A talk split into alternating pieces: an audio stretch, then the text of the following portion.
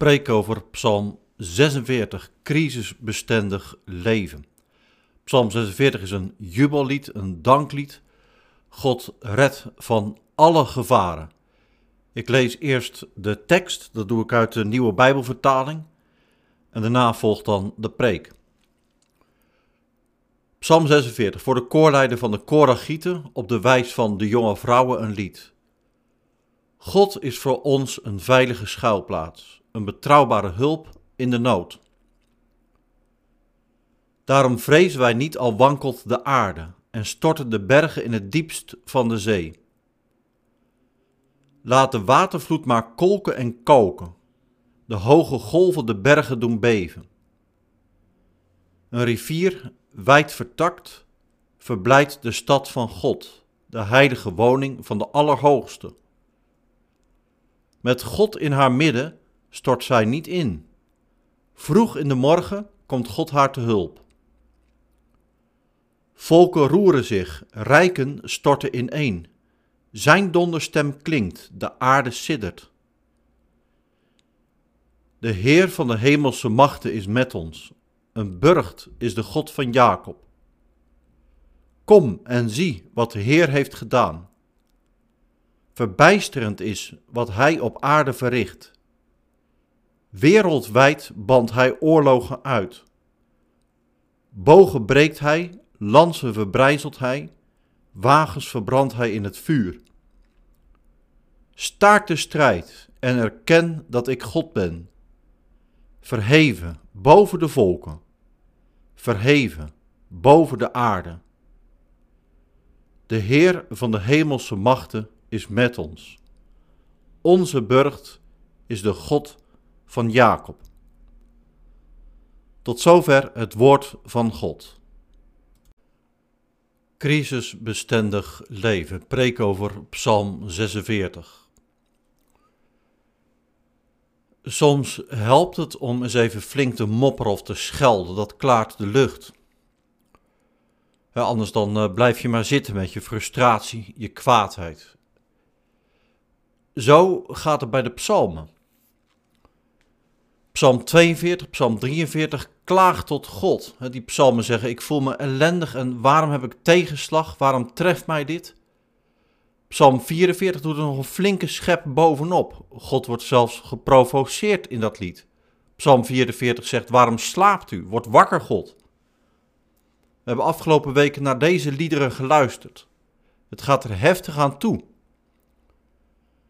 Blijkbaar is het allemaal geen probleem. Gods relatie, Gods verbondsrelatie met ons is sterk en kan het aan. Beter kun je daarom zeggen: roep en klaag maar, want anders dan blijf je zitten met je onmacht, met je gevoelens van onmacht en frustratie.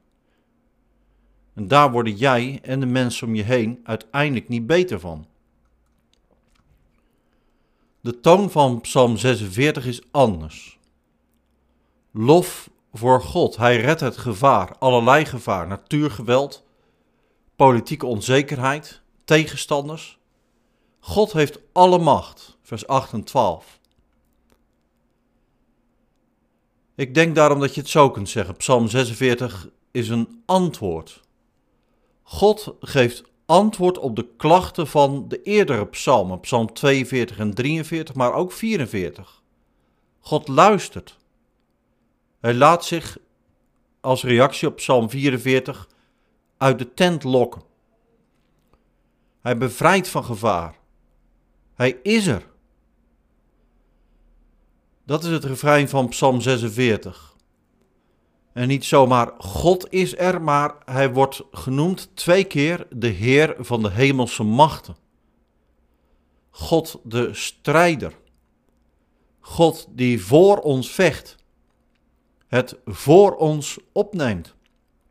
Wat een prachtig lied is dit. Het lied Een vaste burcht van reformator Maarten Luther is gebaseerd op Psalm 46. En zo gaat het naar Psalm 47. Daarin wordt groot applaus voor God gevraagd.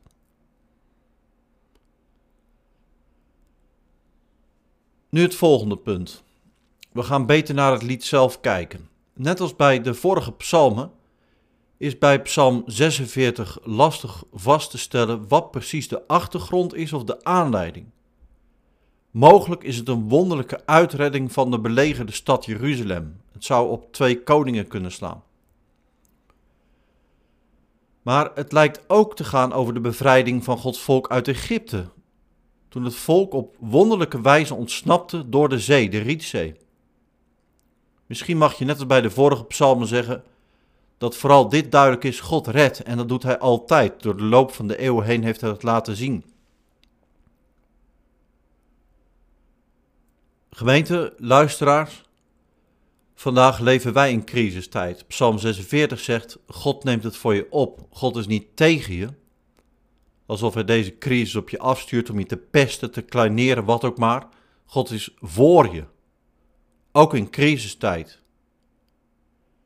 Inderdaad, dat is niet altijd zoals wij dat zien of ervaren.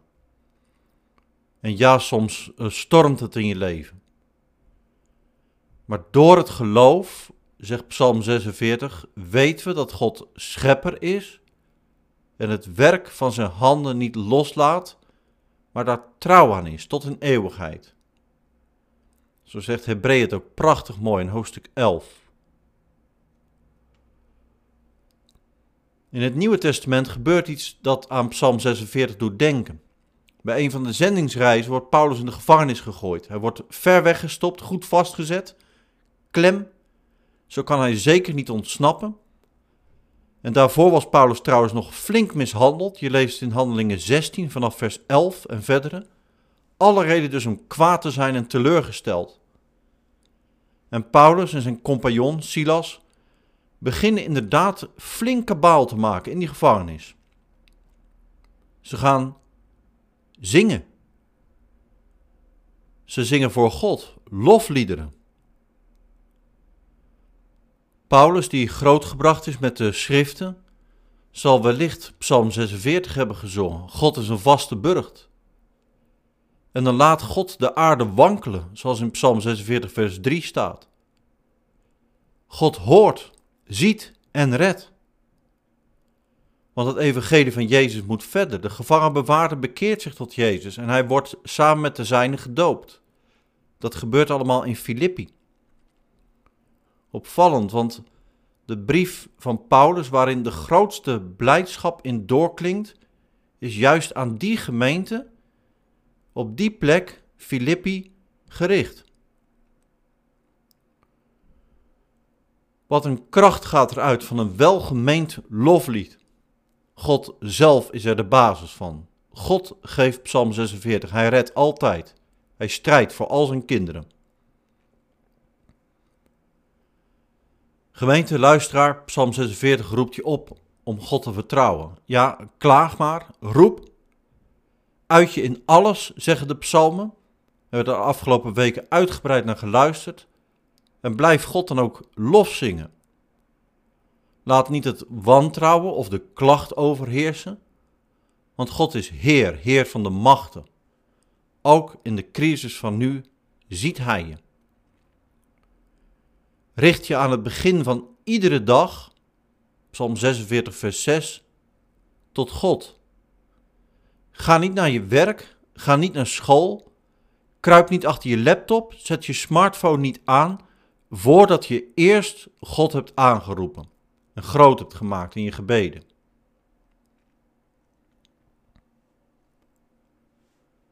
Als je goed leest, lijkt Psalm 46 niet te kloppen.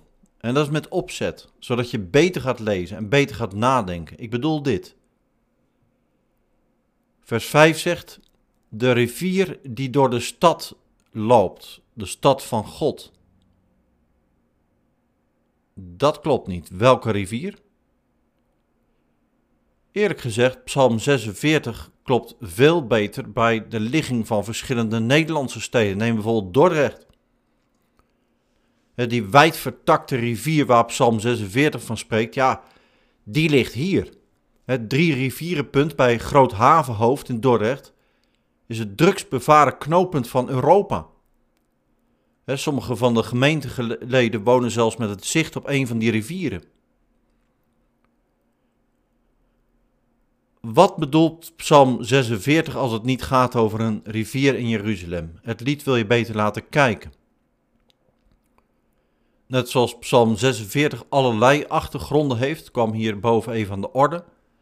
En erom gaat dat God redt. Zo geldt het ook voor de stad waar Gods kinderen wonen. Iedere stad heeft zo zijn eigen dingen van trots. Dat kan een bepaalde traditie zijn, een oudheid, een rivier, een haven, welvaart staat het vaak voor. Dat kan een tempel zijn, een voetbaltempel van mijn part. Prachtige gebouwen, noem maar op. En dan zegt Psalm 46, de trots van de Godstad is God zelf. Vers 6. Met die rivier wordt dan ook het leven met God bedoeld. Het leven met God, nou ja, in Jeruzalem. Het leven met God waar jij woont. Denk aan je eigen huis. Denk aan je relatie met je man, met je vrouw, met je vriend, je vriendin. De mensen om je heen. Denk aan de plek waar je werkt of naar school gaat en waar het wel eens over God en het geloof in Hem gaat. Daar gaat Psalm 46 over. De stad en de rivier, vers 5, combineert twee belangrijke Bijbelse noties. De allereerste plaats gaat het over het paradijs dat te midden van rivieren lag, Genesis 2. En het gaat over Jeruzalem, de Godstad, Psalm 48, Psalm 87. De overeenkomst is, God is daar. Psalm 46 is een prachtig visioen. Het geeft als ware een doorkijkje door de werkelijkheid heen. Het ziet met wat Paulus noemt de ogen van het geloof. Efeze 1 vers 18. Je vangt hier een glimp op van de nieuwe samenleving, waar God te midden van zijn volk woont. In, inderdaad, een stad met een rivier. Lees Openbaring 22. Zo is Psalm 46 bedoeld. Het water spoelt zonde af. Water geeft leven. Het gaat over de geest van God, de geest van de verhoogde, ten hemel verheven Jezus.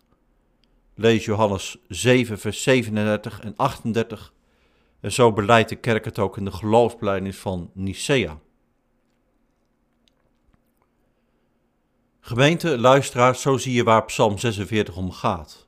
Midden in de psalm staat vers 6. Met God in haar midden stort zij niet in. Zie je hoe bijzonder dat is? Het psalmboek deel 2 opent met de psalmen van de Koragieten. Dat is psalm 42, 43 tot en met 49. En die hebben als thema het waarom van ellende in ons leven. Bij de preek van Psalm 43 heb ik daar uitgebreider bij stilgestaan. Waar het me nu om gaat is dit. In het midden van deze openingspsalmen staat Psalm 46, de psalm waar het nu over gaat. En in het midden van die psalm staat het vers dat God in het midden is. Dit onthult de kern. Waarom gaat het fout? Waarom is er ellende? Tja, de psalmen roepen, klagen, provoceren, spreken van vertrouwen, maar als er een crisis is, zal een gelovige allereerst zeggen: God die beproeft ons. Is Hij echt in ons midden? God wil weten of Hij centraal staat in je leven. Dit is zo'n belangrijk vers. Heel vaak in het Oude Testament gaat het precies om deze vraag. Hoe vaak zegt het volk van God niet: Weet je, wij hebben Jeruzalem, wij hebben de tempel. Denk aan de profetieën van Ezekiel die hierom gaan. Dat is eigenlijk Psalm 48, maar Psalm 46 gaat eraan vooraf. Subtiel genoeg wordt daar alleen de stad genoemd. Geen naam niet Jeruzalem. De Sion, die in Psalm 48 aan bod komt, de plek waar God woont en de koning, komt met zoveel woorden ook niet voor in Psalm 46. Al denk je er steeds aan. Psalm 46 zet een ander accent. God is onze schouwplaats, vers 2. God in het midden, vers 6. God is onze burcht, vers 12. God is de Heer van de macht, vers 8 en 12. Kijk op naar Hem. Zo leren deze liederen je om te zien waar het om gaat. Wij zijn niet schokbestendig. Wij zijn niet crisisbestendig. Wij zijn mensen, sterfelijke mensen. Zondige mensen die fouten maken. Maar als God in ons midden is, dan is het goed. Dan krijgen we genade en vrede. Dan kun je met elkaar leven. Dank God. Tot slot, vandaag worden wij getest in de coronacrisis. Is God in ons midden? Staat Jezus centraal? Ik werk het op drie manieren uit. In de eerste plaats betreft dat het getuigenis van gelovigen. Ik hoorde een mooi getuigenis van een gemeentelid. Iemand zei tegen haar: Deze tijd is zo moeilijk en ja, wat gebeurt er allemaal precies? En profiteren niet allerlei instanties van de moeite rondom coronacrisis om hun grip op de samenleving te verstevigen? Kun je nog wel vertrouwen en hoe dan? Het gemeentelid zei: Ik weet zeker dat er iemand is die hierboven staat, die, die regeert, ook in deze tijd. En dan word je toch aangekeken als je dat zegt. Geloof je dat? En geloof jij het? Psalm 46 zegt het. Midden in deze crisis is God er. En hij laat zich vinden door iedereen die hem oprecht zoekt. Getuig van de hoop die er in je is. Petrus zegt het in zijn brief, hoofdstuk 3, vers 15. De tweede uitwerking betreft een opdracht. Wij leven in een ik-gerichte tijd. Dat geldt net zo goed voor gelovigen. Soms hoor je gelovigen zeggen: hoe kunnen wij God erbij betrekken? Bijvoorbeeld op je trouwdag, of op je werk, of bij het zoeken daarvan, of als je in een problemen zit. Hoe kun je God erbij betrekken? Nou, op zich, hè, mooi dat je met God wilt leven, zeker. Maar wat bedoel je precies? Is het jouw leven, jullie leven, waar God bij komt? Kijk nog eens goed. Psalm 46 zet het op scherp, God in het midden. In het midden van de psalmen van de Koragieten is dat het advies. Nee, niet het advies, maar de beleidenis. Gods volk heeft het vaak door schade en schande moeten leren om God niet ergens in een hoekje te plaatsen. Hoeveel crisis waren er wel niet nodig om te zeggen dat het erom gaat dat God centraal staat, in het midden? En jij? Heer, u bent mijn leven, de grond waarop ik sta. Dat zingen we wel eens in een gezang. Dat is onze hedendaagse Psalm 46. Paulus zegt het nog sterker. Hij zegt in Galaten: Met Christus ben ik gekruisigd. Ik zelf leef niet meer, Christus leeft in mij. Dat zegt Paulus omdat hij het licht heeft gezien, Jezus. Midden tussen twee misdadigers in hing Jezus aan het kruis. In het midden. Midden in onze zonde, onze wonden, onze troep. En zo heeft Jezus ons gered. Leef met Hem. Ten slotte een bemoediging. Dat is de derde uitwerking. We kunnen elkaar vandaag niet zien, niet treffen, in de gemeente niet, daarbuiten niet, niet vergaderen, elkaar niet ontmoeten. Veel structuur valt weg. Maar gemeente, het belangrijkste staat. Van zoveel kanten is te horen dat er hoop is, geloof en liefde, dat je naar elkaar omziet, voor elkaar bidt Juist dat gebed is de strijd waar Psalm 46 over spreekt. Denk aan Efeze 6. Paulus die portretteert de gelovigen als een soldaat. Blijf bidden, zo luidt de opdracht. Efeze 6 vers 10. En dat heeft Paulus niet van een vreemde, hij heeft het van Jezus. Bid en waak, zegt de strijdende Jezus, als hij tot het uiterste beproefd wordt in de tuin van Gethsemane. Jezus is de Heer van de hemelse machten van Psalm 46. Hij laat in de crisis zien dat Hij ons niet alleen laat. Hij leeft. En wij met Hem. Gemeente, volg Hem, volg Jezus. Zet Jezus in het midden. Dan komt het goed. Amen.